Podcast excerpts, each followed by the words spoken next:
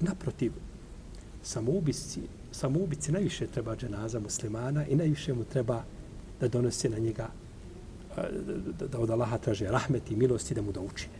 Jer je on počinio grije koji je krajnje opasan. Svi su grijesi opasni. Ali zbog ovih tekstova šerijetski u samoubistvo je posebno opasno. I on je najviše potreban čega? Dove njegove braće muslimane. Da mu dove za oprost, za rahmet. Jer on je u propisu ostalih počinitelja velikih grijeha. Šta to znači? Nemuslimani. Šta još? Šta još znači? Da, da je znači on vezan za Allahovu azza wa volju. Ako želi, može mu oprostiti, a može ga kazniti. Kao bilo koji drugi počinitelj čega? Veliki grijeha. Pa je on potreban, znači, dove muslimana, da mu dove.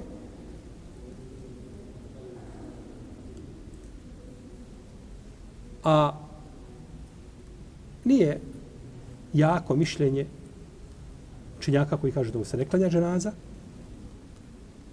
a ne znam da postoji mišljenje da je takav izišao van okvira islama.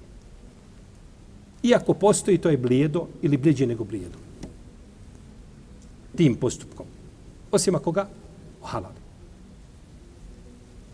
Ali čovjek znači ne smije nikako sebe, jer inna Allahe la jagfiru en jušreke bihi. O jagfiru ma dune zalike li me ješa. Allah neće oprostiti da mu se širk čini. Ono što izvedi čovjeka van vjere, za to nema oprosta. A oprostit će mimo toga kome želi. Međutim, to ne znači da čovjek ima u bilo kom kontekstu pravo sebu za život. Ne to. Nešto manje od toga. Ima li čovjek pravo? Polaže li vjernik pravo da dovi Allahu da ga usmrti?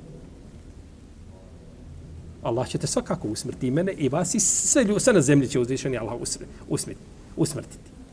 Međutim, nemaš pravo da digneš ruke i kažeš gospodar moj usmrti me. Da moliš za smrt, to je došla zabrana u hadisu. Osim Allahu, dragi, da kažeš Allahu, ako je za mene život bolji, poživi me, a ako je smrt bolja, usmrti me, to je izuzetak. Iz toga u protivnom, dobit za smrt opće nije, nije, nije to ovaj pohvalno, niti čovjek treba da poseže, poseže za tim. Pa kako onda da samom sebi uzme život? A kako onda da čovjek dođe kod Allahove kuće i uzme sebi život? Iako, naravno, mi ne sudimo ljudima koji dođu i oduzmu sebe život na takav način. Može čovjek biti da je lud, može biti da je bolestan do te granice da je izgubio razum, može biti raznorazni opravdanja njemu pred njegovim gospodarom, to je između njega i njegovog gospodara. A može biti